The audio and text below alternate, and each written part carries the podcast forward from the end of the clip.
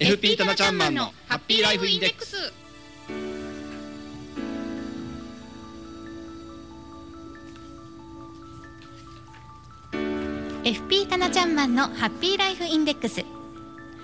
この時間はあなたの夢と未来をトータルサポートするライフサポート有限会社の提供でお送りします。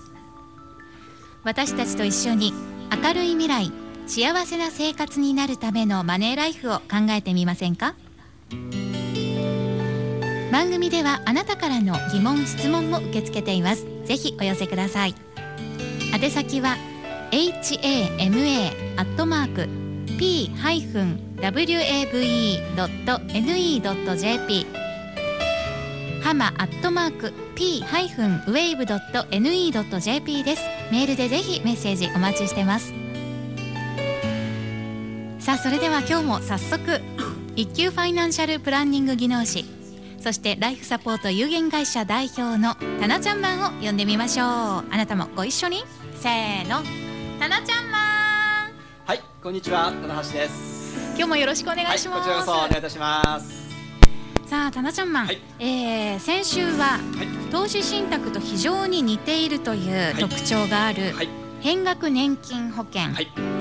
こちらについてお話をい。ただきました、今日はその続きでさらに詳しく、ということで。そうですね、えー、今日はですねもう一つ踏み込んだところで投資信託と変額年金保険を比べながらお話をしていきたいなというふうに思っております。はい、はい、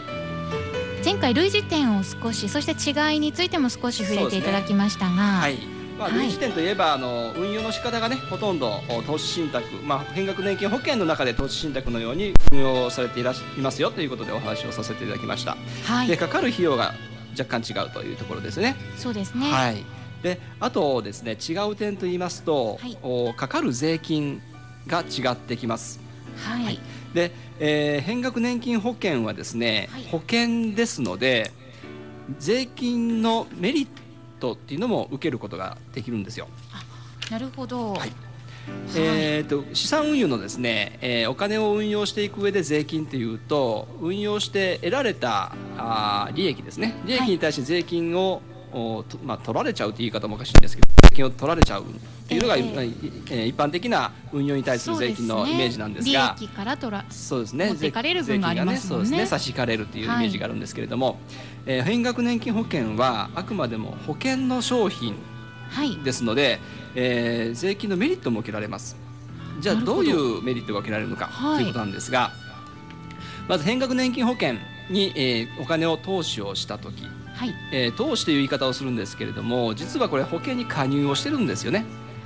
他の生命保険とか、災害保険と同じようなイメージを、ね、はいそうです、はい、で生命保険に加入をしてますので、はい、えー、生命保険料控除を受けることができます。おなるほど、はい、ですので、えー、年末調整の時にね、えー、保険会社からあ毎年10月か11月頃に、えー、生命保険料控除の会社に提出してくださいねっていう明細が来ると思うんですけれども、はい、あれと一緒のような形でですね、えー、生命保険の控除を受けることができます。なるほど、はい、ですので、えー、投資をするした時にはあ生命保険料の控除所得税に対してメリットが受けられるといったところがあると思います。それは大きいですよね。そうですね。はい。はい、あとですね、運用益に対する税金のかかり方も違います。はい。はい。えー、投資信託はですね、えー、まあ投資信託もいろんな種類があるんですけれども、今発売をされている投資信託のほとんどそうですね90%以上がですね分配型といいまして、はい、えー、まあ、毎月であるとか半年あるいは1年に1回ですね、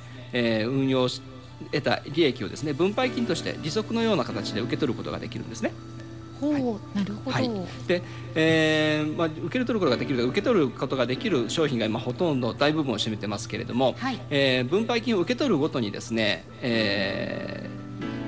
ー、所得税がかかると。で、えー、本則受けた分配金の20%ですね。15%が所得税で5%の住民税。合わせて20%の課税がされるんですが、はい、えー、これ次元立法で今年の12月31日までに受け取る分配金については10%に減税されてます。で、えー、その分配金を受け取るごとにこの10%の税減、えー、所得税を差し引かれて分配金を受け取るという形になりますが、はい、えー、年金保険につきましては分配金がありませんので税金の繰り延べっていうメリットが受けられるんですね。はい。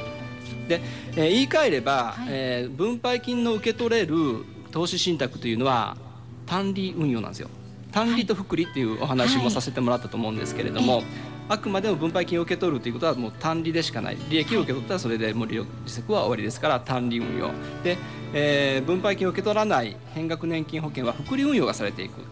イメージですね、はい、ですのでそういった意味ではあの単利と複利の大きなメリットっていうのもまた違うのかなっていうところがあります。そうですね。はい。リスクがよりこう分配される感じにもなりますしね。そうですね。はい、であの投資信託もですねもちろん分配金を現金で受け取らずにそのまま再投資をしますという形もできるんですが、はい、分配金が出た時点で10%の源泉分離課税をされますので、うん、税金を引かれた上での再投資ですから福利でも、はい、例えば